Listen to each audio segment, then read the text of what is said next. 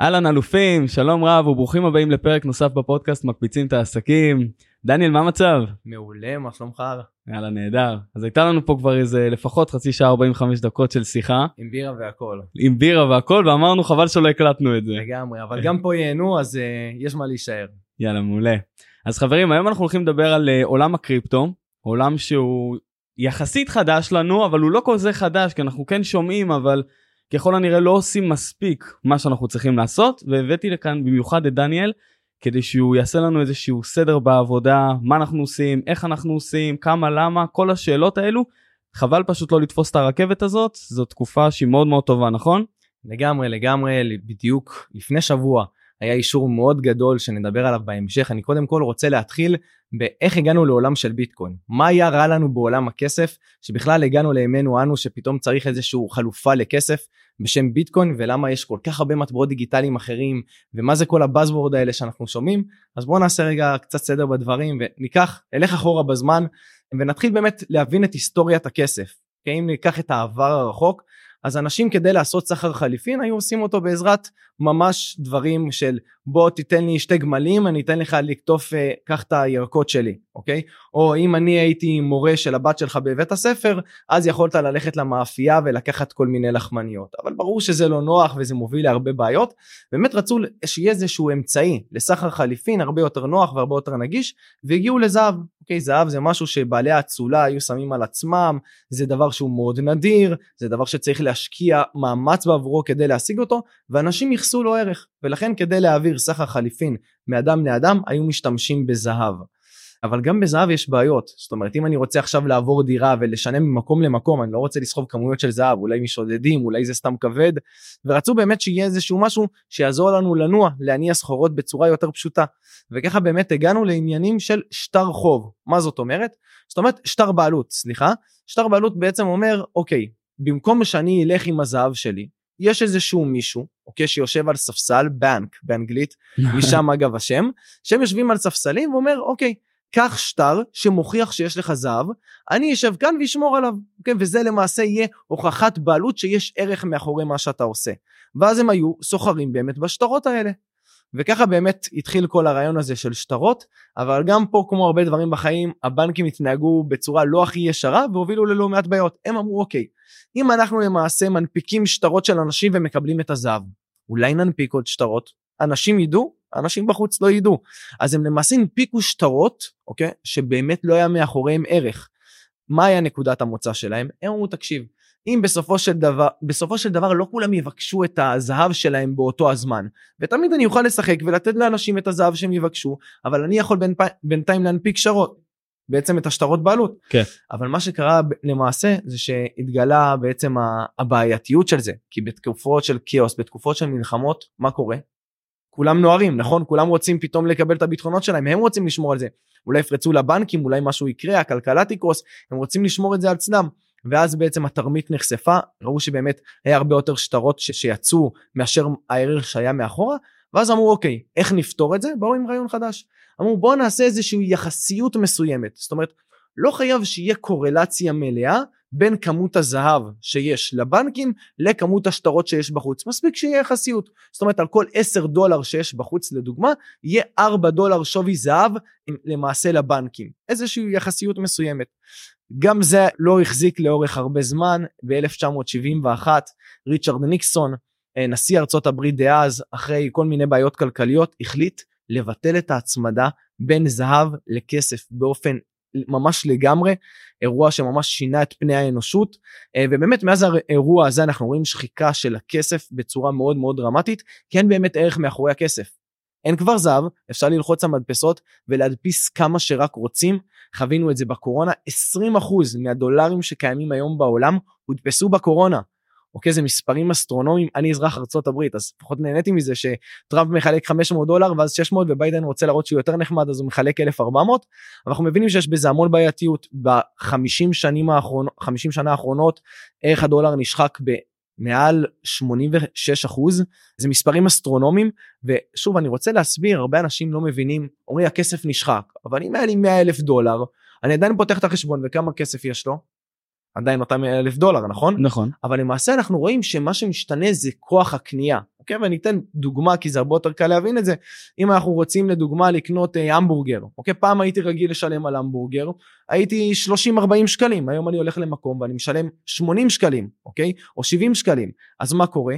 ערך הקנייה שלי כוח הקנייה פעם 40 שקל היו קונים המבורגר שלם היום הם קונים רק חצי המבורגר זה מה שנקרא שחיקת ערך הכסף ובמהלך השנים האחרונות אנחנו רואים שחיקה מטורפת אם זה בגלל הקורונה שגם עזרה לנו כמובן מאוד זה השבתות מפעלים בסין זה מכולות שנתקעו בלב ים במדינות של סגרים זה מלחמת רוסיה אוקראינה מחירי חיטה ואנרגיה באמת אנחנו רואים שהמחירים עולים הדפסות של כסף ערך הכסף נשחק וזה הבעיה וזה איפה שאנחנו נמצאים היום ובגלל זה אנחנו מגיעים עם איזשהו פתרון חלופי שנקרא ביטקוין. יפה יפה תשמע איזה פתיחה אחי שיחקת אותה זה נתת לנו פה את כל ההיסטוריה ככה ממש בכפית מה שנקרא. שמע אני ממש מאמין באמת שהשלב הראשוני קודם כל לפני שבאים להשקיע קודם כל אתה צריך להבין מה הבעיה במשהו כאילו לא מייצרים הרי פתרון אם אין בעיה וכשאנחנו נכון. מבינים את הבעיה אז אנחנו מבינים הרבה יותר טוב לשם מה זה הגיע ואנחנו מצליחים להבין האם באמת יש בזה ערך. יאללה נהדר אז עוד שנייה נתחיל ככה לצלול פנימה לתוך הכלים ו- ואיך עושים וכמה עושים ולמה עושים כל הדברים האלו את הלמה די הבנו. הייתי רוצה שתספר טיפה על הסיפור שלך מאיפה אתה נחשפת לעולם הקריפטו כמה זמן אתה בתחום איך אתה יודע כמו שסיפרת לי קצת בשיחת ההכנה אתה לוקח אנשים ביד ביד וממש מאפס למאה מה שנקרא. כן אז האמת לפני חמש שש שנים כמו הרבה ילדים צעירים רציתי בסופו של דבר לדעת איך אני מרוויח כסף אוקיי והתחלתי באמת בחיפוש שלי של אה, להכיר את עולם הכסף קצת יותר באמת נתקלתי לא פעם ולא פעמיים בכל מיני טענות מסוימות על אה, שמאוד קשה להתעשר כי אם זה המחירים עולים וערך הכסף נשחק ואם זה שלא מלמדים אותנו חינוך פיננסי ואת האמת שהאינטרסים של הבנקים זה גם ש, שפחות נדע על כסף כי הם מרוויחים מזה יותר. ושעשירים נהיים עשירים יותר ועניים עניים יותר ובאמת מעבר לזה שזה טענות רחוב כאילו אוקיי משפט שמישהו אומר לי בסוף שאתה חוקר את הדברים אתה מגלה וואו יש פה באמת הרבה. אז באמת חיפשתי אוקיי מה אנשים עשירים עושים? אז אתה יודע אתה שומע פודקאסטים וספרים והתחלתי באמת עם החקר שלי ובאמת הגעתי לעולם של קריפטו. היה נראה לי חזון מאוד מאוד גדול להחליף את הכסף העולמי את איך שהכלכלה עובדת היום ובאמת הכנסתי ברמה אישית להיכנס פנימה. וכשראיתי אוקיי אני משקיע בביטקוין וכשהכסף שלך מושקע במשהו אתה פתאום הרבה יותר חוקר עליו ואתה רואה שאתה גם מרוויח מזה לא רע אתה אומר אוקיי בוא נעזור לעוד אנשים בוא נספר לחבר ש, שלידי בצבא ובוא נספר למשפחה שלי שתרוויח מהעניין הזה. ולאט לאט שראיתי שעוד אנשים מרוויחים בזכות מה שאני אמרתי להם אמרתי אוקיי איזה כיף בוא נעזור לעוד אנשים ונספר ליותר אנשים. ובאמת שהשתחררתי בצבא פתחתי את הקהילה קהילת קריפטו טיים. היום יש שם כבר מאות אנשים שמלווה אותם כבר למעלה משנתיים בין אם זה תוכן עדכונים. ובאמת הרעיון בסופו של דבר להבין שאנחנו נכנסים פה לאיזשהו שינוי בעולם אוקיי? כסף בין אם נרצה להתכחש לזה או לא זה אחד הפרמטרים המשמעותיים ביותר שיש בחיינו. אנחנו היום בתקופה של מלחמה לא יודע מתי אתם מאזינים לזה. כלכלה משפיעה על כמות הזמן שתהיה מלחמה ועל כמות המטוסים שיש ומשפיע על איכות החיים שלנו וכמה שנים נחיה בגלל התפתחות הרפואה כסף זה דבר גדול ואם יש משהו שמתיימר להחליף אותו נראה לי שווה לעצור רגע את החיים לבדוק מה זה הדבר הזה ומה שאנחנו עושים בקריפטו טיים זה לקחת אנשים ממש מאלף עד תף ב-21 יום להבין מה זה עולם הקריפטו איך אפשר להשתמש בזה ואיך אפשר להרוויח מזה גם כסף. איזה יופי אחי איזה יופי איזה עולם אתה אנחנו עכשיו נכנסים כאן. לגמרי. אז אנחנו צוללים לעולם הכסף עולם האנרגיה כל העולם הזה אני יכול להגיד לך רגע ברמה האישית גם סיפרתי לך על זה שכן נכנסתי לעולם הקריפטו חבר שלי מהצוות אה, נורא נורא בתוך זה ובאמת הוא ככה הדריך אותי בכמה דברים ואפילו קניתי את הארנק הקר ואז הייתי צריך להשקיע ובאמת להעביר את הכסף ללא זוכר איך זה נקרא אפילו b.com או משהו כזה. אוקיי. Okay. בקיצור עשיתי את העברה ואז הם אמרו לי שצריך לקבל איזשהו אישור ואז פה וזה בקיצור הדברים נפלו וזה לא קרה אוקיי. Mm-hmm. Okay? הייתי רוצה לשמוע ככה בטח באים אליך עם מלא סיפורים כאלו בטח נכון yeah, על כמה דברים שזה לא קרה איפה איפה אתה רואה איך כן עושים את הדברים בצורה נכונה כמו שאתה אומר שאתה שאתה ממש רוצה להשקיע את הכסף אבל גם לא רוצה עכשיו ללמוד את כל התחום הטכנולוגיה הזה אתה יודע כאילו זה משפטים. לגמרי. אז א' כל אני חייב להגיד והרבה אנשים שישמעו את המשפט הזה יגידו מה? מה אתה אומר? אבל אני ממש עומד מאחוריו. להבין קריפטו יותר קל מלהבין אה, כסף פיאט. זאת אומרת כסף דולר שקל יורו כמו שאנחנו מכירים. אה, אני ממש מאמין בזה. הרבה אנשים לא יודעים כל כך הרבה מושגים כלכליים של העלאת ריבית ואיך היא משפיעה על אינפלציה דיפלציה מילים מסובכות כאלה אנחנו רוצים לקחת הלוואות יש לנו ריבית פריים וגרייס והלוואת בלון יש כל כך הרבה מושגים בעולמות הכלכליים שהם באמת מסובכים אוקיי? ויש להם אינטרס להישאר מסובכים ודווקא עולם הקריפטו ברגע שאנחנו נכנסים אליו אנחנו מבינים שזה עולם הרבה יותר פשוט עם מספר עקרונות בסיסיים שברגע שאנחנו נבין אותם אז יהיה לנו הרבה יותר קל להיכנס פנימה ואני ממש רוצה לשטוח את הדברים כאילו אפילו מהחוויה האישית שלך עם אותו ארנק שהסתבכת איתו אז מה אנחנו מכירים היום אני ילד לצורך העניין בן 18 ואני רוצה לגשת לבנק מה אני עושה כדי לפתוח חשבון. תאם פגישה הולך לבנק פותח חשבון. מעולה מספק כל מיני מסמכים כמובן של תעודת זהות וכולי וככה פותח חשבון. עולם הקריפטו עולם המטבעות הדיגיטליים הוא עולם שונה לגמרי. זה עולם פרטי שהפרטיות זה אחד מהערכים העליונים שלו ולכן כשאנחנו פותחים ארנק דיגיטלי אנחנו בכלל לא מספקים פרטים. אנחנו גם לא מתאמים פגישה כי אין מישהו שעומד בראש העולם הזה שנקרא קריפטו והוא מחליט אם לפתוח לך ארנק. כל אחד יכול להוריד אפליקציה ממש לפלאפון שלו ולפתוח ארנק דיגיטלי בארנק דיגיטלי אנחנו לא מספקים פרטים אלא אנחנו מקבלים פרטים. יש מושג שנקרא private keys המפתחות הפרטיים שממש השם משתמש והסיסמה שלכם בעולם הקריפטו. אתם מקבלים 12 מילים רנדומליות לגמרי באנגלית אוקיי? זה יכול להיות chair table ו television אוקיי? וה-12 מילים האלה הם למעשה הגישה שלכם למטבעות. במידה ותאבד תמר את המטבעות האלה את המילים האלה אין לך גישה למטבעות. נכון. ולכן הרבה אנשים שהם פותחים את, ה, את הארנקים שלהם, אוקיי, שכחתי את הסיסמה. אחי, זה לא כזה פשוט, אתה לא פשוט שוכח את זה, אתה תשכח את זה, איבדת את הקשר למטבעות שלך. אין שירות לקוחות להתקשר אליו ולהתלונן. Mm-hmm. מאוד מאוד חשוב. האחריות היא עלינו, ולכן חשוב לדעת את הדברים האלה.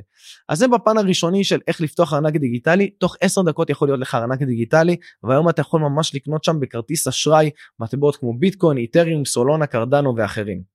לא כזה מסובך. יפה. ואיך אתה יודע במה להשקיע במה כלומר ביטקוין אני מאמין שהיום כמה הוא 42 43 אלף דולר? נכון.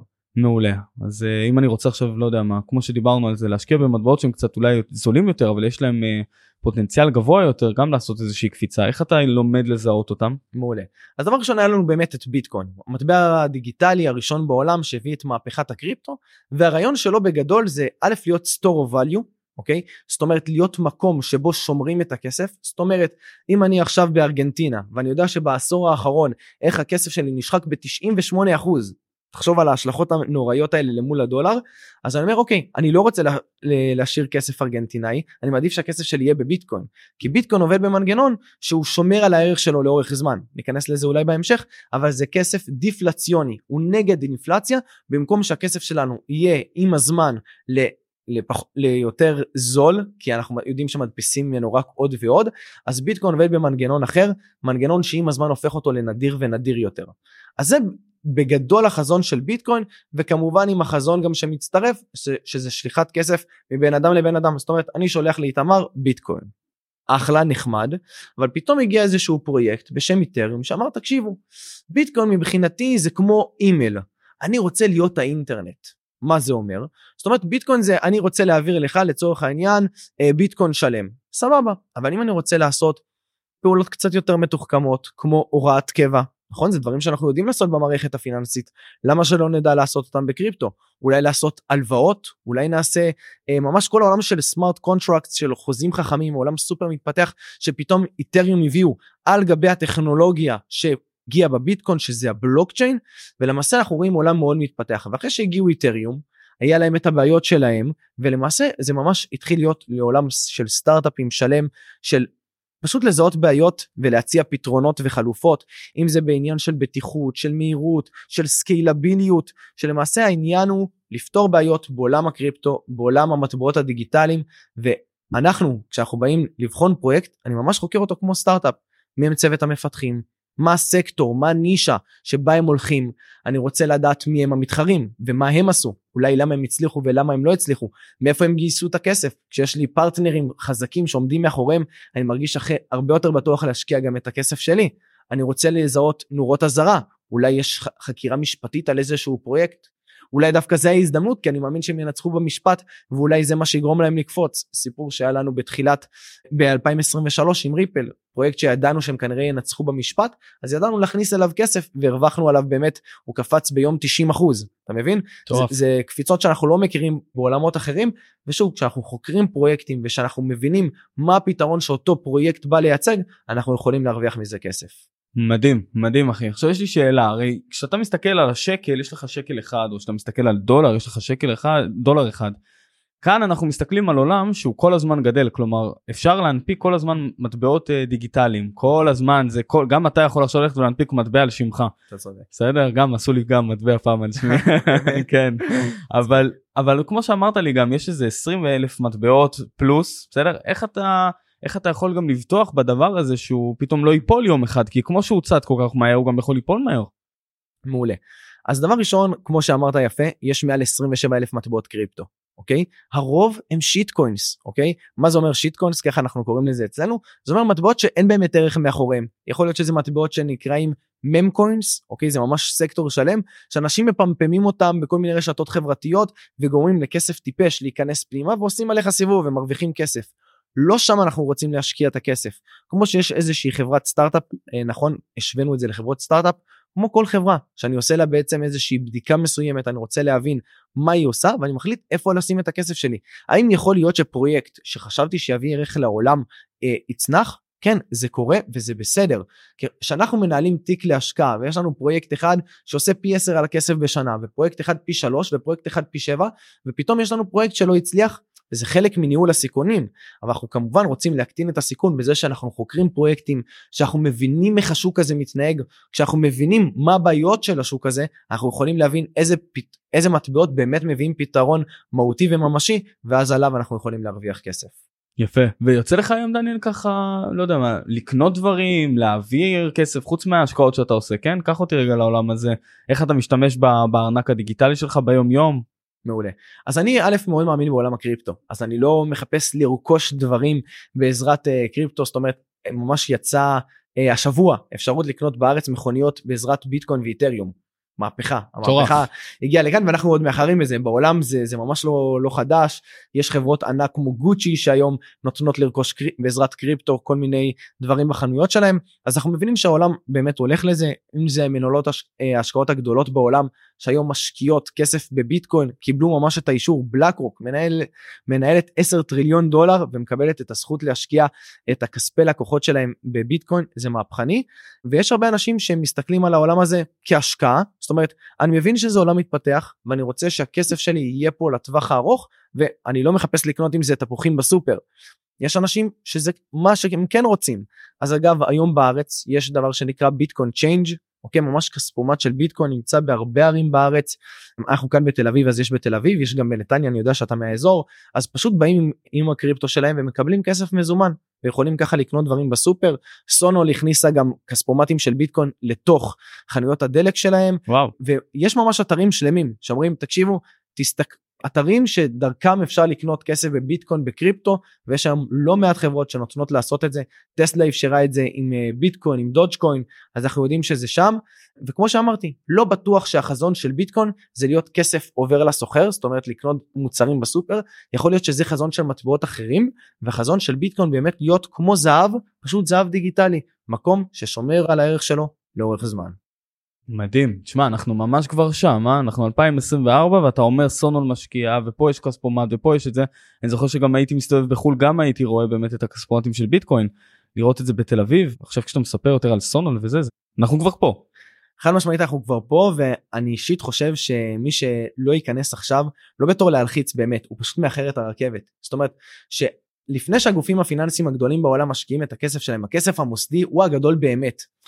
אני רוצה לראות אה, אני רוצה לשתף אותך במחקר של בלומברג שקראתי לא מזמן שלגמרי נתן לי את הסוויץ' שאמרנו אוקיי יש פה באמת מהפכה ומי שלא מצטרף אליה בזמן הקרוב הוא כנראה יאחר אותה. הם ממש חקרו את העניין וראו שמגיל 18 עד 34 טווח הגילאים האלה בארצות הברית 53% מהאנשים מחזיקים בביטקוין. זה מדהים. זה מדהים אבל כשאנחנו מסתכלים על האוכלוסייה המבוגרת אנחנו רואים תמונת תמונה אחרת לגמרי. רק 12% מהאנשים שמעל גיל 55 מחזיקים בביטקוין. אוקיי, אבל אצל מי נמצא הכסף הגדול? אצל הצעירים או אצל המבוגרים? אצל המבוגרים. אצל המבוגרים. 70% מההון בארצות הברית נמצא אצל המבוגרים. ועכשיו כשהם מקבלים את האפשרות להשקיע דרך גוף השקעות הכי מוסדר בעולם, הם לא צריכים את המפתחות הפרטיים, נכון? אמרנו שמי ששוכח את ה-private keys נעלם לו המטבעות, הם לא רוצים את זה, בן אדם בן 60 לא רוצה אחריות כל כך גדולה על ההון שלו, הוא רוצה להשקיע דרך בלק רוק ולקנות את זה כמו שהוא רגיל לקנות מניות ולהגיד יש לי ETF תעודת סל של ביטקוין ולדעת שהוא משקיע בנכס שהניב הכי הרבה בעשור האחרון וכשהכסף ההון הגדול נכנס לקריפטו זה כבר שינוי מגמה ואני חושב שאנחנו שם ואני חושב שמי שלא יתפוס את הרכבת במיוחד של שנת 24-25 כנראה שיישאר מאחור. וואי מעניין דניאל מעניין מה שאתה אומר. אז נגיד עכשיו באים אליך חבר'ה מבוגרים ורוצים להשקיע אצלך עכשיו לא יודע מה 5,000 שקלים 10,000 שקלים קצת אתה יודע להתחיל אה, לזרוק מספרים. הם מאבדים את המספרים יש לך איזושהי דרך לעזור להם?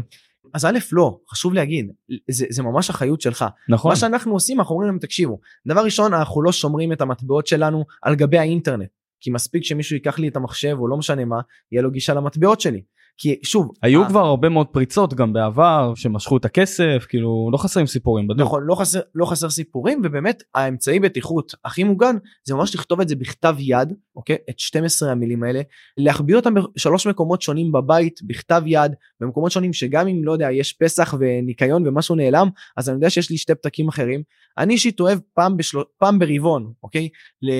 לפתוח את המגירות לדעת אני לא אגיד איפה זה נמצא אבל לראות איפה המילים שלי ולדעת אוקיי אני יודע איפה הם אני שומר עליהם כמו שצריך ואני יודע שאני רגוע. אבל דניאל זאת באמת הבעיה וצריך להבין איך פותרים אותה שאנשים מבוגרים באמת פוחדים שהם ישכחו בכלל איפה הם שמו את זה כן כי כי בסוף אם אני עכשיו שכחתי את הסיסמה שלי לבנק אז אני נכנס לאפליקציה אני עושה שחזר סיסמה ואני מקבל חדשה ואני יכול לעשות את זה גם 10 פעמים בחודש אין לי אין לי במגבלה. נכון. השאלה באמת איך אנחנו עוד יכולים לתת את הביטחון הזה. לאנשים שרוצים להשקיע ואומרים אם אני ארשום ואני אשכח את זה או שכחתי איפה שמתי או פתאום זה ייעלם אז ילך לי כל הכסף. כי יש כאן איזושהי בעיה מאוד גדולה. חד משמעית ואת הבעיה הזאת מה שנקרא הרגישו גם גופים מאוד גדולים בארץ אלטשולר שחם היום יש לה חברה בשם הורייזן שהיום זה בדיוק מה שהיא עושה. היא אומרת תקשיבו אתם יכולים לקנות ביטקוין, איתריום ועוד מטבעות דרכנו ואנחנו למעשה נהיה משמורת שלכם. אנחנו יכולים לשמור לכם על הכסף כמובן שהם לוקחים על זה איזושהי עמלה מסוימת אבל בגדול הם אומרים תקשיבו אתם לא רוצים להסתבך קנו דרכנו אנחנו נשמור את זה אצלנו ותהיו הרבה יותר רגועים. גם ביטס אוף גולד נותנת את אותו שירות. העמלות בארץ גם שוב הרגולציה זה דבר מאוד מורכב והיום העמלות לא כאלה גבוהות ביחס למה שקורה בעולם הקריפטו אז חד משמעית לקהל המבוגר שרוצה את השקט הנפשי הכי גדול בעולם תדעו זה פתוח גם בפניכם. מדהים. אז מי שככה רוצה להתחיל לקפוץ למים מה הם השלבים שהוא עושה? הוא אומר אוקיי הבנתי אני רוצה עכשיו להשקיע את ה... מה המינימום שצריך להשקיע עם, עם כמה צריך? בדוק שאין פה איזה מינימום יותר מדי כן אבל בטוח יש משהו שמומלץ. למשקיע המתחיל נכון. אז דבר ראשון למשקיע מתחיל אה, אני קודם כל זה ממש עיגול אוקיי? סיימון סינק מדבר על, ה, על שלושת העיגולים. העיגול החיצוני והפנימי ביותר זה קודם כל להבין למה למה בכלל אתה רוצה להשקיע? כאילו למה הדבר הזה בא לעולם? כשאנחנו קודם כל נבין את הלמה גם לא כל מכה בכנף תרתיע אותנו אחר כך ואנחנו נרצה למשוך את הכסף ברגע שביטקוין אה, יורד ב-20. אחוזים אותי אישית זה לא מרגש. נכון. אני מבין שהוא ללונגרן וזה לא מעניין אותי 20 אחוז לפה או לשם. אז קודם כל שיש לנו את האמונה בדבר הזה. אחר כך את האיך. הרבה דברים שדיברנו כאן על מפתחות פרטיים על ארנק דיגיטלי וכולי צריך ללמוד את האיך ולעשות אותו נכון. השלב השלישי הולך להיות מה אני מנסה להשיג מהעולם הזה. כי אמרת אוקיי כמה כסף אני רוצה להשקיע. אוקיי, יש כל מיני שאלות של מה, כמה אתה מוכן גם לאבד, מה אתה בא להכפיל את הכסף, אתה בא לשלש, אתה בא לעשות פי 10, פי 15, גם אלה תוצאות חד משמעית ריאליות בעולם הקריפטו. אנחנו צריכים להבין מה המטרה שלנו, לכמה זמן אנחנו משקיעים, אתה צריך נזילות של הכסף. אה, יש פה המון שאלות שצריכים להילקח כן. בחשבון, כי בהתאם לזה אנחנו בוחרים את הפרופיל. יש בן אדם שאומר, תקשיב, אני מכניס עכשיו סכום מאוד מאוד גבוה ומספיק לי פי שתיים על הכסף. אוקיי, תשקיע באיתריום ובביטקוין ולך לישון בשקט וכנראה אתה תעשה את הפי שתיים על הכסף שלך. שוב, לא ייעוץ או המלצה כמובן מה שאני אומר פה, אבל כנראה אתה תעשה בשנתיים הקרובות את הפי שתיים שלוש על הכסף שלך ותישן אחלה בלילה. יש חבר'ה שנכנסים עם 10 אלף שקל ואומרים שמע אני בא לשנות את חיי בוא נראה איך אני עושה פי 10 על הכסף. ואז אנחנו יותר רוצים לחקור פרויקטים לנהל תיק השקעה כמו שצריך לנהל סיכונים מימוש רווחים. יש פה עולם שלם שכמובן צריך להתחיל בבן אדם שלו אפיון אישיות להבין מה מתאים לו לאן פניו הולכות מה כוכב הצפון שלו מה ביניו נחשב כהצלחה ואז הרבה יותר קל להבין איך אנחנו משקיעים. אוקיי okay, יפה יפה מאוד יפה. אני אוהב את החשיבה הזאת גם לטווח הרחוק ברמת האסטרטגיה, זה לא רק לבוא לשים את הכסף ו... ואוקיי, מה שיוצא אני מרוצה. זה ממש להבין. עכשיו שאלה, האנשים שנכנסים לשם בתור התחלה, כמה הם מתעסקים בזה במהלך היום? Mm-hmm. כלומר, האם הם uh, מתעסקים בזה, לא יודע מה, שעה, שעתיים ביום, או בשבוע, או אתה יודע. מעולה. אז אני רוצה לשתף אותך במחקר של פידיליטי, אוקיי? אחת ממנהלות הנכסים הגדולות בעולם, שהיא חכה איזה משקיעים מרוויחים הכי הרבה כסף אצלם. ומה הם גילו? מי לדעתך האנשים שהרוויחו הכי הרבה כסף שהשקיעו דרכם? שעושים אה, שגר ושכח? אז הם היו שתי סוגי אנשים, או שהם שכחו את הסיסמה שלהם לחשבון, או שהם מתו. אוי. כן, זה פשוט אנשים שלא נוגעים בכסף שלהם לאורך זמן. ולכן גם אני בפילוסופיה שלי, אנחנו משקיעים בפרויקטים שאנחנו מאמינים בהם לטווח הארוך, לא צריך לגעת בהם בכל יום, זה לא מעניין אותי בכל יום. אני כן עושה check-up, תלוי ברמת הסיכון של הפרויקט, אבל פעם בשבועיים נכנס, בודק שתיק ההשקעה שלי נראה כמו שצריך, אולי עושה איזושהי פעולה ניהולית עם חוקים כתובים מראש, לא מרגש כמובן, וככה אנחנו מנהלים את הדברים. פעולה פעם בשבועיים, פעם בחודש, לפעמים יוצא פעם בשבוע, תלוי במה שקורה בשוק, אבל בגדול פעולות ניהוליות שהרעיון הוא לשמור על שגרת החיים. אותי אישית לא מעניין בכלל עולם המסחר. זאת אומרת, לפתוח כל בוקר את המחשב ולקרוא נרות יפנים, פחות העולם שלי. מה אמרת לקרוא נרות יפנים? יש, יש כל מיני תנועות בעולם המסחר, כן. אז כאילו להבין את ה... זה פיבונאצ'י, יש שתי כתפיים, לא מעניין אותי איך נראה הגרף, מעניין אותי משהו שמביא ערך לאורך הזמן, ושם אני משקיע את הכסף. וככה אני מאמין שהכי נכון לבחור את ההשקעות ומההסתכלות שלי על הלקוחות שלי האנשים שלא נמצאים באופן אובססיבי על מה המחיר היום הם החבר'ה שמרוויחים הרבה הכי הרבה כסף. יפה. אז טוב שנגעת בזה. תספר לנו טיפה ככה על הלקוחות שלך דברים שראית באמת בן אדם אה, מאפס שלא ידע יותר מדי לבן אדם שעשה איזשהו שינוי בחיים שלו ושפתאום יש לו איזושהי קופת חיסכון. יש לי באמת כל כך הרבה סיפורים לתת אבל uh, אני אבחר סיפור אחד שכאילו שוב אנחנו בתקופה כזאת של מלחמה והכל היה לי בחור שהוא היה בכלל בקורס קצינים אוקיי? והוא היה בגפן בחורף והוא אמר תקשיב אני רואה שעולם הקריפטו ממש מתפתח אני יודע שאני בקורס קצינים אני יודע שיש לי כל כך הרבה על הראש אבל אני פשוט לא רוצה לפספס את הרכבת. והוא החליט לי באמת להיכנס פנימה ומספיק שהוא השקיע בלמידה שלוש שעות בשבוע במשך שלושה שבועות זה משהו שהוא ידע שהוא יוכל לאפשר לעצמו בסופאשים ב, ב, הוא ידע שככה הוא יצליח לעשות ובתוך שלוש שבועות במשך שלושה שבועות הוא ממש סיים את התהליך אוקיי שלנו של הלמידה ויצא כבר עם תיק להשקעה באוויר אחרי 21 יום. לקח לו חמישה חודשים והוא כבר עשה שוב אני לא אומר שזה תמיד מה שהולך לקרות תוך חמישה חודשים הוא כבר עשה פי שתיים וחצי על הכסף שלו והיום שהוא ראה אוקיי בהתחלה הוא, הוא היה יותר שמרן כי הוא, הוא מאוד פחד מעולם הקריפטו ואמר בוא נכניס 10 אלף שקל ונראה לאן הדברים הולכים ואז הוא אמר וואו בחמישה חודשים עשיתי פי שתיים וחצי על הכסף ועוד זה בתיק יחסית שמרני אמר אוקיי בוא נעשה עוד פגישה בוא נגדיל את רמת הסיכונים אני הרגשתי את השוק חוויתי אותו קצת אני מוכן א' לסכן יותר וב' להגביה גם את הסוג מטבעות שבהם אני משקיע. מה זה אומר כשאתה אומר לסכן יותר כי אתה כביכול כשאתה הולך על איתריום או על ביטקוין אתה הולך יחסית על משהו שהוא די בטוח נכון כאילו. נכון יכול לעלות ולרדת אבל אם אתה מסתכל 5-10 שנים קדימה כנראה שהוא יעלה. נכון. אז מה זה אומר כשאתה אומר לסכן יותר מה הרי הלכת איתו למטבעות שיכול להיות שהם יפלו או ש... אז אנחנו אף פעם לא נשקיע במטבעות שאנחנו מאמינים שהם יפלו. נכון. אחרת ברור שלא נשים שם את הכסף. כן אנחנו צריכים להסתכל על דבר שנקרא שווי שוק. אוקיי זה נקרא market cap. זאת אומרת היום אם נסתכל על ביטקוין יש בו קרוב ל-900 מיליארד דולר. אוקיי? כשאנחנו משקיעים בפרויקט עכשיו 900 מיליארד מיליארד דולר זה יותר ממה שיש בוויזה במאסטר קארד ובחברות הגדולות בעולם. סכום מטורף. אוקיי? אה? סכום מטורף. מטורף. ואנחנו אומרים אוקיי זה כנראה משהו שכאן כדי להישאר אבל פתאום להשקיע בסטארט-אפים אוקיי שוב אני חוזר לעולם של הסטארט-אפ בפרויקט שהשווי שוק שלו הוא 100 מיליון אוקיי? שיש לי פרויקט של 100 מיליון ופתאום נכנס אליו מיליארד דולר אוקיי? פי כמה הוא הכפיל את עצמו? 100 מיליון ומיליארד דולר. עשה פי 10 על הכסף, נכון? אז אני אומר, טוב, מיליארד דולר לביטקוין, הוא, הוא בקושי מזיז אותו, אבל מיליארד דולר לפרויקט ששווה 100 מיליון, הפרויקט שלי עשה פי 10 על הכסף. אז אנחנו מחפשים את הפרויקטים עם ה market cap, עם השווי שוק הקטן יותר, כי שם אני מבין שהיכולת שלי ליצור מכפלות היא הרבה יותר גדולה. אם אני משקיע בפרויקט שהשווי שלו היום זה 50 מיליון, אוקיי? ואני רואה, מסתכל על קהל המשקיעים שלו, אני רואה שגוגל השקיע בו, אני רואה ש Nvidia השקיע בו ואני רואה שיש לו ש... שיתופי פעולה עם החבר'ה הכי גדולים מעולם הקריפטו אוקיי ואני רואה מי השקיע בו את הכסף הראשונים זה יועצים עסקיים ואנג'לים מעולם הקריפטו שיש אחריהם כל כך הרבה הצלחות האם אני ארגיש בנוח להשקיע בפרויקט הזה כנראה כן. שמאוד, והשווי שוק שלו הוא כל כך קטן, ואני יודע שזה מכפלות שכן הגיוני לעשות על פרויקט כזה פי 20 ו-50 על הכסף. אתה מבין? אז כשמישהו אומר, תקשיב, מתיק ההשקעה שלי אני לא רוצה שהכל יהיה על פרויקטים מהסוג הזה, אבל אני כן רוצה חשיפה של 10, 20, 25 אחוז מהתיק שלי על פרויקטים עם פוטנציאל של פי 10, פי 50 על הכסף, אנחנו רוצים לתת לזה גם, גם מקום בתיק מן הסתם. וואי לגמרי. מדהים מדהים דניאל יפה תשמע תפסת פה תחום שהוא לגמרי בעלייה ואני גם מרגיש את האנרגיה שלך מרגיש את הכיפיות של הדבר. שמע, כשאתה רואה איזשהו באמת חזון מאוד מאוד גדול, אתה, דיברנו על בעיות של הכסף בתחילת, ה, נכון. בתחילת הפודקאסט ובאמת יש לא מעט בעיות עם הכסף. זאת אומרת אם ניקח את הטענה הזאת של עניים נהיים עניים יותר ועשירים נהיים עשירים יותר. תראה שוב רוב העולם זה לא העולם המערבי. אנחנו צריכים לזכור שיש לנו חצי מהעולם שזה אפריקה ואסיה ומקומות שהכסף שלהם נשחק מיום ליום והם באמת רוצים מקום חלופה להחזיק את הכסף שלהם אז הם הולכים לביטקוין אוקיי?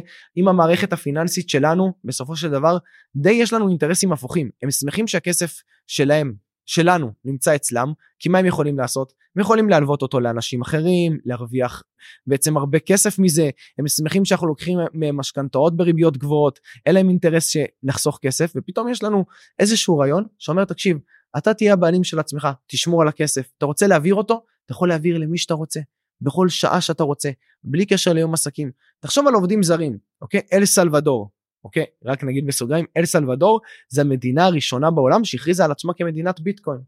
וואלה. היום שולחים ככה את הילדים לבית הספר היום משלמים ככה מיסים ובאמת קונים גם דברים בסופר ממש בביטקוין. למה המדינה עשתה את זה? כי הם גילו שרוב המדינה שלהם הם בכלל עובדים זרים בארצות הברית והם רוצים לשלוח כסף הביתה. בעזרת המערכת הבנקאית. ומה הם עושים? במקום להשאיר את המשפחות שלהם את מי הם מעשירים? את הבנקים. הם שול... בהעברות בינלאומיות העמלות הן מטורפות אוקיי? לי היה לקוחה שרצתה להעביר לי כסף מהולנד ל- לישראל. עזוב שזה לקח כמה ימי עסקים באמת חיכיתי איזה חמישה ימי עסקים אני חושב עד שכסף הגיע. העמלות היו מטורפות משהו כמו 20 אחוז כאילו משווי העסקה. וואו.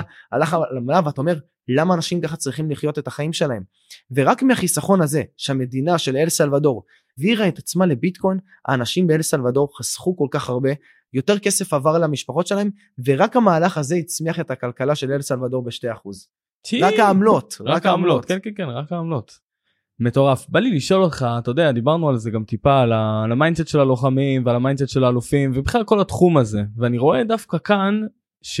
שיש דברים שתוקעים אנשים מ... מלהיכנס כי זה לא כסף בסדר? הבן אדם יכול להביא לך את ה-5,000 10,000 20,000 שקל אבל יש כאן משהו שמשהו בביטחון העצמי משהו באמונות המגבילות משהו זה שהוא בכלל לא יכול לעכל את זה שיש משהו אחר מבחינת כסף אם זה דולר שקל ופתאום זה הביטקוין. כאילו קשה קשה איפשהו להתמודד עם הדבר הזה. אז הייתי רוצה לשמוע טיפה מהקהילה שלך מהקהל שלך איך אתה רואה איך אתה רואה שהם מתמודדים עם הדבר הזה. לגמרי. ואתה נוגע פה באמת בעיניי באחד הנקודות הכי חשובות. אני יודע שאתה מגיע מעולמות של התפתחות אישית ושל mindset ויש לך גם ספרים בנושא וגם אני אישית מאוד אוהב את הנושאים האלה. אני יודע שזה מה שעזר לי להיות בכלל open minded לכל העולם הזה שנקרא כסף וקריפטו והשקעות ובאמת חלק מהתהליך שאנחנו עושים היום עם חבר'ה שמגיעים אלינו אני מחלק את זה לשתיים. יש את הפסיכולוגיה של המשקיעים אוקיי? קריפטו מיליונר איך אנחנו הופכים להיות ל mindset הזה ומצד שני יש את ה millionaire mindset. אנחנו רוצים גם את ה mindset של האנשים העשירים. כי תחשוב על זה רגע היה לנו פרויקט גיימינג אוקיי? ב-2021 שתוך 12 יום עשה 900 אחוז אוקיי? פי 9 על הכסף ב-12 ימים. עכשיו תחשוב על המספרים האלה זה מספרים מטורפים. זה כמו האנשים שזוכים בלוטו לצורך העניין אוקיי? האם הם נשארים בסוף עם כסף לא הם מפסידים אותו. הם מפסידים אותו. צודק. למה הם מפסידים אותו? כן כי הם לא יודעים להתנהל כלכלית הם לא יודעים להתנהל נכון. כלכלית אין להם אמונות נכונות. זה כאילו שמו אותם רגע אחד בכובע שהוא לא מתאים לנעליים שלהם. ולכן לי מאוד חשוב שאנשים שמצטרפים לתוכנית ובכללי להשקעה בעולם הקריפטו גם יתפתחו בשני בשני המישורים במקביל. גם את המישור של הפסיכולוגיה של משקיעים וגם עם פסיכו... המבט של ה millionaire mindset אז לכן אנחנו נותנים המון דגש על טקסים של אנשים עשירים, על הרגלים של אנשים אחרים, איך אנחנו תופסים כסף, איך אנחנו משתמשים בשפה שלנו, שזו שפה נכונה לגבי כסף. אנחנו לא אומרים למשל אה, אין לי או אני לא יכול, אני אגיד כשיתאפשר לי, כשאני אוכל, אני לא אומר, אה, זה mindset כזה, יש כל מיני הרגלים שאנחנו נכון. עושים, קבלת החלטות. כל כך הרבה מהעולמות של ה mindset נכנסים שם. אני אספר על איזשהו הרגל שאנחנו ככה עושים בתוכנית, ששוב, כשאני שמעתי על ההרגל הזה אמרתי, טוב, זה מגוחך, זה, זה מטופש, ובסוף שאמרתי, אוקיי, אני חייב באמת לנסות את זה, כי שמעתי שיש אנשים עשירים שעושים את זה, אמרתי, אני רוצה לחוות את זה גם. אז הלכתי איזשהו בוקר, ההרגל אומר דבר כזה, אתה הולך לבית קפה, ואתה מזמין רק קפה, לא עכשיו איזשהו סלט ודברים, ארוחה קטנה, ממש קפה, יושב עם עצמך, אל תהיו עם הפלאפון, רגע תתנתקו. אז באמת התנתקתי וחוויתי את הרגע והייתי ככה ברגע כזה של הכרת תודה, וכשסיימתי לשתות את הקפה, שמתי 100 שקל ופשוט הלכתי. Mm, ופתאום כשאתה עושה דבר כזה, אז אתה מרגיש וואו, אני יכול לעשות עם כסף פעולה שפשוט עושה למישהו את היום, אותו מלצר או מלצרית שיקבלו את המאה שקל, ירגישו הכי מאושר בעולם, ואני נכנס לתחושה שאני בן אדם עשיר, שיש לי את היכולת לעשות את זה. ואני זוכר כשלקוח שלי אמר לי, תקשיב, אתה לא מבין, אני חייב לספר לך, עשיתי את הדבר הזה, שמתי באמת את המאה שקל, ופתאום המלצרית התחילה לרדוף אחריי, ואמר לי, היי, מה זה, השארת כל כך הרבה כסף? ואמרתי לה, והוא אמר לה, היי תקשיבי, הכל בסדר, העיקר שתחייכי, פשוט תסתובב, לא חיכה להכרת תודה שלה, לא חיפש את, ה, את המבט הזה, פשוט המשיך ללכת ואמר, אתה לא מבין, הפכתי, כאילו, ב, ב, ברמה האנרגטית לבן אדם עשיר, פתאום אני בן אדם שמשקיע את הכסף, יש לו תפיסות נכונות על כסף, וגם יודע לתת ולפנק, וכאילו, זה, זה ממש אנרגיה, אתה מבין? אני באמת חד משמעית חושב שזה דברים שמשלימים זה את זה. איזה יופי. טוב אז כל מי שמאזין כבר עכשיו ללכת לתרגל את הדבר הזה אני אישית גם מתרגל את זה. וכן דניאל תן לנו עוד ככה אני, אני אוהב לשמוע גם את הסכנות יש עוד איזה שהם סכנות שלא דיברנו עליהם אגב? כן הרבה אנשים אנחנו אמרנו לפתוח ארנק דיגיטלי נכון? ארנק דיגיטלי זה באמת המקום השמור יותר לשמור על הכסף שלנו על הקריפטו שלנו. יש הרבה אנשים שמה הם עושים? הם מי ששמע על עולם הקריפטו שמע אולי על המילה Binance. יצא לך לשמוע מוכר לי משהו זה בורסת הקריפטו אוקיי. הגדולה ביותר כן. אוקיי והם באמת רוכשים דרכם את הקריפטו עכשיו מה הבעיה בלרכוש מטבעות דיגיטליים דרך בורסאות שאנחנו לא משקיעים רק בקריפטו אתה משקיע פעם אחת בקריפטו פעם שנייה אתה משקיע בבורסה כי אם אותו בורסה קורסת הכסף שלך הולך. וזה משהו שאנחנו מאוד מאוד חוששים ממנו. אוקיי Binance אגב זה הבורסה הגדולה ביותר אבל נמצאת בחקירה היום. אגב אם אנחנו, אנחנו הישראלים לא יכולים לקנות היום בכרטיס אשראי דרך Binance המדינה חוסמת את זה אוקיי? בגלל חס... סכנה להלבנת הון ודברים כאלה. ואגב היה לנו סיפורים כאלה בעולם הקריפטו. FTX אה, מי שמכיר שנת 2022 בורסה בשווי מיליארדים פשוט קרסה בן לילה ואנשים איבדו את כל הקריפטו שלהם בגלל שהם שמו את הכסף בבורסה ובמקום לא מאובטח. ולכן מי ששומע אותנו מה, מהמאזינים מי שלא מכיר את זה לשמור את הכסף בארנק דיגיטלי לא בבורסה ומי ששומר את הכסף בבורסה אפשר להעביר אותו לארנק דיגיטלי וככה להקטין את הסיכון שהכסף שלכם פתאום יקרוס אם הבורסה תק... אה, תקרוס. עכשיו אני לא אומר שזה סבירות גבוהה שבורסה באמת גדולה תקרוס אבל למה לשמור את הכסף במקום שאתם לא בטוחים בו. נכון. אז זה עוד איזה שהוא אמצעי זהירות. והמקום הכי בטוח שאנחנו יכולים זה בארנק קר בלג'ר ב-USB הזה שדיברנו עליו זה נכון. המקום הכי בטוח. אני אוהב להשתמש בטרזור, אוקיי. טרזור 1 אפשר להיכנס לאתר שלהם שימו לב שאתם נכנסים לאתר רשמי ולא לאיזשהו אתר זמני. נכון נכון אתה צודק. גם שוב אנחנו רוצים להבין את הדברים האלה שבעולם הקריפטו במידה ואנחנו עושים טעות אין שירות לקוחות להתקשר אליו שלחתם את הכסף למקום הלא מתאים אז איבדתם את הכסף. לכן שימו לב שאתם נכנסים לאתרים הנכונים מאמינים מזמין מורידים את האפליקציות הנכונות מזמינים מאתרים מאמינים את אותו טרזור את אותו uh, אה, USB ושומרים כן, על הכסף. אבל כל, כל דבר כזה אנחנו עושים בליווי כמו שצריך כי אני יכול להגיד באמת היה לי לקוח שסיפר לי שהוא גם לפני איזה חצי שנה שנה נכנס לעולם הזה של הקריפטו והשקיע והוא היה באנרגיה כל כך גבוהה ופתאום אחרי איזה כמה שבועות שאלתי אותו מה קורה ואיך אתה. הוא אמר לי אל תשאל שמתי את הסיסמה כנראה במקום שלא הייתי צריך שאבו לי את הכל שאבו לו את כל המטבעות את כל הדברים וזה זה באסה זה, זה כאילו. אתה יודע מה אני אני לא יודע אם אני כבר אדיש לסיפורים האלה כאילו אני שומע אותם כל כך הרבה של אנשים ואני אומר לאנשים תקשיבו הזול הוא היקר. נכון. זה כמו אנשים שמנסים לחסוך בשיפוץ, מביאים איזה קבלן חפלאפ כזה שיבנה להם את השירותים, ובסוף הם צריכים להביא בעל מקצוע שיתקן את הטעויות שלו, ובסוף זה עולה להם הרבה יותר יקר. נכון. קחו מישהו, אה, אני לא בא גם לדבר על עצמי, קחו מישהו אחר, אוקיי? אבל שנותן ליווי מאלף עד תף, ומבין את העולם הזה, חי אותו, נושם אותו, שיחסוך לכם את כל אותם טעויות של מתחילים, ושתתחילו להרוויח לא אחרי שנה כשתחוו את כל המסקנות מעצמכם, אלא מ-day one או מ-day 21 אצלנו. איזה יופי. אז עכשיו אני רוצה רגע לקפוץ קדימה. נגיד אנחנו כבר חמש, חמש שנים קדימה או לא יודע כמה, השקענו, עשינו כבר מאות אה, אה, אלפי אחוזים ככה על הכסף הזה. מתי מומלץ למשוך מחשבון הבנק את הקריפטו שלא מומלץ בכלל כאילו גם איך מתנהגים זה. זו שאלה מעולה ובאמת שוב זה תלוי במשקיעים יש משקיעים שכן מן הסתם ירצו למשוך את הכסף לאורך הזמן אבל אני רוצה לחבר רגע את המאזינים לאיזשהו מחזוריות שיש בשוק הקריפטו שבאמת לא הרבה אנשים מדברים עליה אבל אנחנו כשנמצאים בפנים אנחנו יכולים באמת להרוויח ככה הרבה יותר כסף אז אני רוצה ככה לשתף את האנשים. באיך אנחנו מסתכלים על השוק אוקיי ביטקוין קיים כבר 15 שנים אוקיי מתוך כל ה-15 שנים שהוא קיים היה רק שלוש שנים בלבד שבהם הוא ירד. זה קרה ב-2014, זה קרה ב-2018 ו-2022. אוקיי? שים לב, ארבע שנים בין ירידה לירידה, 14, 18, 22. בין כל ירידה לירידה היה לנו שלוש שנים של עלייה. יש פה איזושהי מחזוריות שחוזרת על עצמה כל פעם. נכון. וכשאני רואה מחזוריות מסוימת אני שואל את עצמי למה זה קורה, אוקיי? כי אם משהו קורה פעם אחת אתה אומר טוב זה מקרי, אבל קורה פעם אחר פעם אני אומר טוב בוא נבין מה קורה שם. אז במנגנון של הביטקוין יש איזשהו תהליך שקורה כל ארבע שנים שגורם למחזוריות הזאתי. אני אתן ממש משל מעולמות הנדל"ן אוקיי? שיהיה לנו קל להבין את זה ואחר כך אני אחבר את זה לעולם הקריפטו. בוא נדבר על מדינת ישראל, המדינה היפהפייה שלנו, יש בה שטח מוגבל בסופו של דבר, נכון? אין אין סוף שטח, טריטוריה מוגבלת, ויש קצב גידול אוכלוסייה עולה. אחת מהמדינות המערביות באמת עם קצב גידול אוכלוסייה עולה, וככל שהזמן עובר כנראה שהביקושים לנדל"ן יעלו, ויש לנו סכום מוגבל, אז אנחנו מאמינים שהמחירים יעלו, זה המנגנון שארץ ישראל בה עובדת, אוקיי? ותאר לך מדינת ישראל מנפיקה כל, כל שנה לשוק 100 אלף דירות. שנה ראשונה 100 אלף דירות, שנה שנייה, שנה שלישית, שנה רביעית, פתאום אחרי ארבע שנים קורה אירוע, ומדינת ישראל אומרת תקשיבו, חצי, במקום 100 אלף דירות, רק 50 אלף דירות מגיעים לשוק הנדל"ן. מה קורה למחירים? הם מתחילים לעלות, כן. מתחילים לעלות. שנה שנייה 50 אה, אלף דירות, עוד 50 אלף דירות, 50 אלף דירות, ארבע שנים, פתאום אחרי ארבע שנים בום, 25 אלף דירות. מה קורה אז למחירי הנדל"ן? וואו. ממשיכים לעלות, נכון? נכון. כי הקצב של הדירות רק ההיצע קטן והביקושים עולים. ואז שוב, עוד ארבע שנים זה כבר לא 25 דירות, 25 אלף דירות, זה כבר 12 וחצי אלף דירות. אנחנו מבינים שלאט לאט הקצב, ההיצע קטן והביקושים עולים, המחירים עולים. וזה בדיוק מה שקורה עם ביטקוין, אוקיי? ביטקוין, למי שלא יודע, בניגוד לדולר שאפשר להדפיס כמה שרוצים, יש סכום מוגבל. רק 21 מיליון, לעולם לא יהיה יותר מזה. וכל יום ויום מיוצרים עוד ועוד מטבעות ביטקוין עד שנגיע לאותם 21 מיליון. היום אנחנו עומדים כבר על 19 מיליון שהגיעו לשוק, וכל יום מיוצרים עוד ועוד מטבעות עד שנגיע ל-21 מיליון. עכשיו כל ארבע שנים קורה אירוע שמקטין בחצי, אוקיי, זה נקרא ביטקוין האבינג, אירוע החצייה, מקטין בחצי את כמות המטבעות שמגיעה כל יום.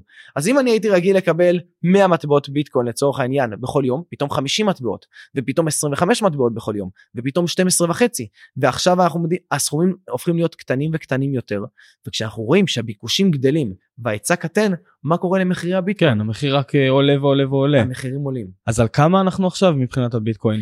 היום יש כבר מעל 19 מיליון ביטקוינים במחזור ויש 21 מיליון בטוטל שיגיעו רק עד 2140 אוקיי? 2140 2140 וואו. מעל 100 שנה.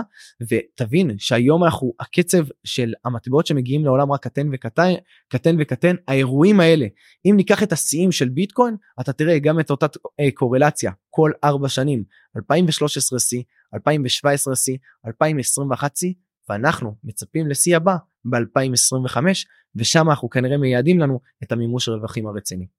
איזה יופי. איזה יופי. אז תן לנו ככה אוקיי דיברנו על הביטקוין דיברנו על האיתריום תן לנו עוד ככה כמה מטבעות שהם מבחינתך מובילים ואתה רואה בהם את הפוטנציאל. מעולה. אז דבר ראשון כדי להבין מטבעות אני רוצה לדבר רגע על איתריום אוקיי? על הבעיה של איתריום כי אז אנחנו נבין פתאום איך אני רוצה מטבעות שמביאים את הפתרון שאיתריום לא מצליח לספק. כי אוקיי ביטקוין אמרנו היה להם את החזון הראשוני. ואז איתריום אמרו אנחנו רוצים להיות האינטרנט להיות פלטפורמה הרבה יותר גדולה של אפשרויות. ופתאום הגיעו כל מיני פרויקטים שאמרו אוקיי יש בעיה גם באיתריום בוא ניתן כל מיני פתרון, פתרונות שלנו. אז בואו נדבר במילה על איתריום. איתריום זה באמת היא רוצה להיות איזשהו עולם של smart contracts אוקיי? של חוזים חכמים. ניתן דוגמה רק שאנשים יבינו מה זה בעצם חוזה חכם. נגיד ואני עכשיו איזשהו חקלאי מסוים אוקיי? ויש לי ביטוח אוקיי? במידה ויורד מעל 10 סנטימטר של שלג ככה וככה ימים בשנה אני רוצה לקבל כסף מהביטוח. עכשיו איך מתנהלים היום היום אני צריך לפנות לעורך דין שיתבע את חברת הביטוח והיא תיתן מכתב תגובה וייקח זמן ואני משלם הרבה מאוד כסף וזה לוקח הרבה מאוד זמן נכון זה הבירוקרטיה נכון. שהרבה אנשים לא אוהבים פתאום חוזה חכם אומר דבר כזה בוא נחתום על חוזה שבמידה וזה קורה if 1 2 3 קורה אז כסף מגיע מחברת הביטוח בצורה אוטומטית לארנק הדיגיטלי שלך. איזה כיף חוסכים בעלויות במתווכים ולמעשה הכסף זז הרבה יותר מהר ואנחנו חוסכים בעלויות. זה ככה אחד החזון של איתריום. עכשיו איתריום עכשיו סליחה שאני עוצר אותך אבל איתריום יש להם גם 21 מיליון מטבעות? לא כל, כל uh, פרויקט והמנגנון שלו איתריום עובדים בש, בשיטה שונה לגמרי אוקיי אז צריך להבין להכיר את המנגנון של כל אחד. אז באמת ככה זה מה שאיתריום אה, עשתה. עכשיו איתריום רצתה גם להיות פלטפורמה זאת אומרת כמו שאמרת היום אפשר לייצר מלא מטבעות. איתריום אמרו תקשיב אני רוצה להיות הפלטפורמה שעל גבה יוצרים את המטבעות. אתה רוצה ליצור מטבע משלך נקרא לו איתמר חיון אוקיי אז בוא נמציא אותו על רשת איתריום זה יהיה לנו מאוד קל מאוד פשוט אני יודע שזה על רשת אמינה וכולי. ואז הרשת הפכה להיות למאוד מאוד עמוסה. אוקיי פתאום הרשת יש בה היום אלפי מטבעות על גבי הרשת שלה וככל שהרשת יותר עמוסה זה גם מגביה את העמלות כי זה המנגנון שאיתריום עובדת איתו. ככל שיש יותר עומס ברשת אז גם העמלות הופכות להיות יקרות יותר. עניין של היצע וביקוש זה המנגנון של איתריום איך שהוא עובד. ופתאום בא איזשהו פרויקט ואמר אוקיי איתריום כבר היא, היא מאוד מאוד עמוסה. העמלות הן מאוד מאוד יקרות. לכתוב חוזה חכם על איתריום כבר לא כל כך כיף לי. בוא נפתח פלטפורמה משלי אז פתאום צץ עוד איזשהו פרויקט. נכון. ופתאום פרויקט אומר תקשיבו איתריום בוא אני אעזור לכם. כמו פרילנס אתם תשלחו לי את העסקאות שלכם אני אעשה להם את האימות אשלח לכם אותו חזרה ואז אתם תשלחו נקרא לזה בעולמות העיצוב אוקיי? לדוגמה אני רוצה עכשיו לעצב את הלוגו שלי אוקיי? אני רוצה לפנות לאיזושהי חברה מסוימת. היא מקבלת המון פניות.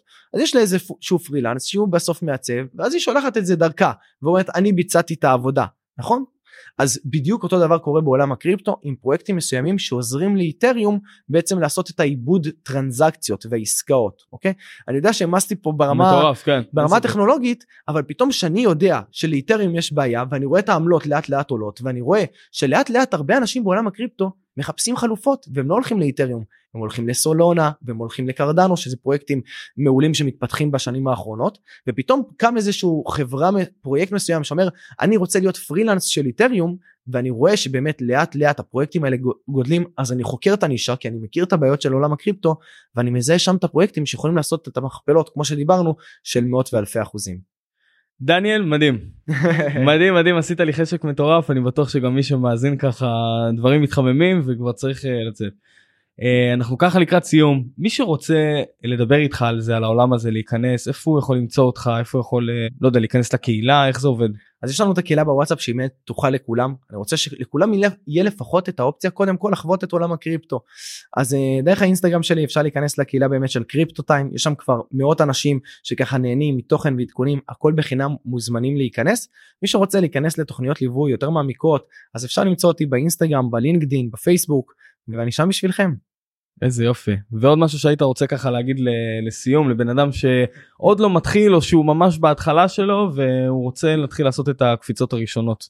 אני אגיד שלשבת על הגדר זה הדבר הכי מתסכל. זאת אומרת גם אם אין לך עכשיו את כל הפתרונות ואת כל התשובות מה יקרה אם תכניס 100, 100 שקל אוקיי? 100 שקל לביטקוין? מה יקרה?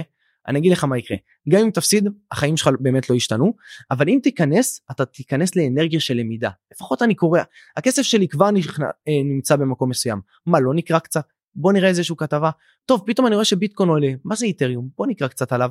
ולאט לאט האנרגיה מתחילה אז בגדול להתחיל. לא לחכות. הגופים הפיננסיים הגדולים בעולם שם. אם הם שם ומאמינים שזה legit ויש לנו את החותמת שלהם כנראה שאנחנו בעולם שפה כדי להישאר. החברות הגדולות בעולם יודעות את זה ומבינות בזה אינטל פייסבוק גוגל כולם מכניסות היום יש להם לגמרי סניפים גדולים שמתעסקים בקריפטו וחוקרים את העניין הזה ורוצים לדעת איך להשתמש בזה. אם הם שם למה שאנחנו האיש הקטן לא נהיה שם? אנחנו לא רוצים לאחר. מדהים מדהים מדהים אחי. אז יאללה חברים. אה, דניאל אני אשים ככה את כל הכישורים למטה. אני לגמרי אנחנו עכשיו נסגור את הכל איך אנחנו נכנסים נתחיל הכל אין שום בעיה. ותודה רבה שהאזנתם לפרק הזה אנחנו נתראה בפרק הבא.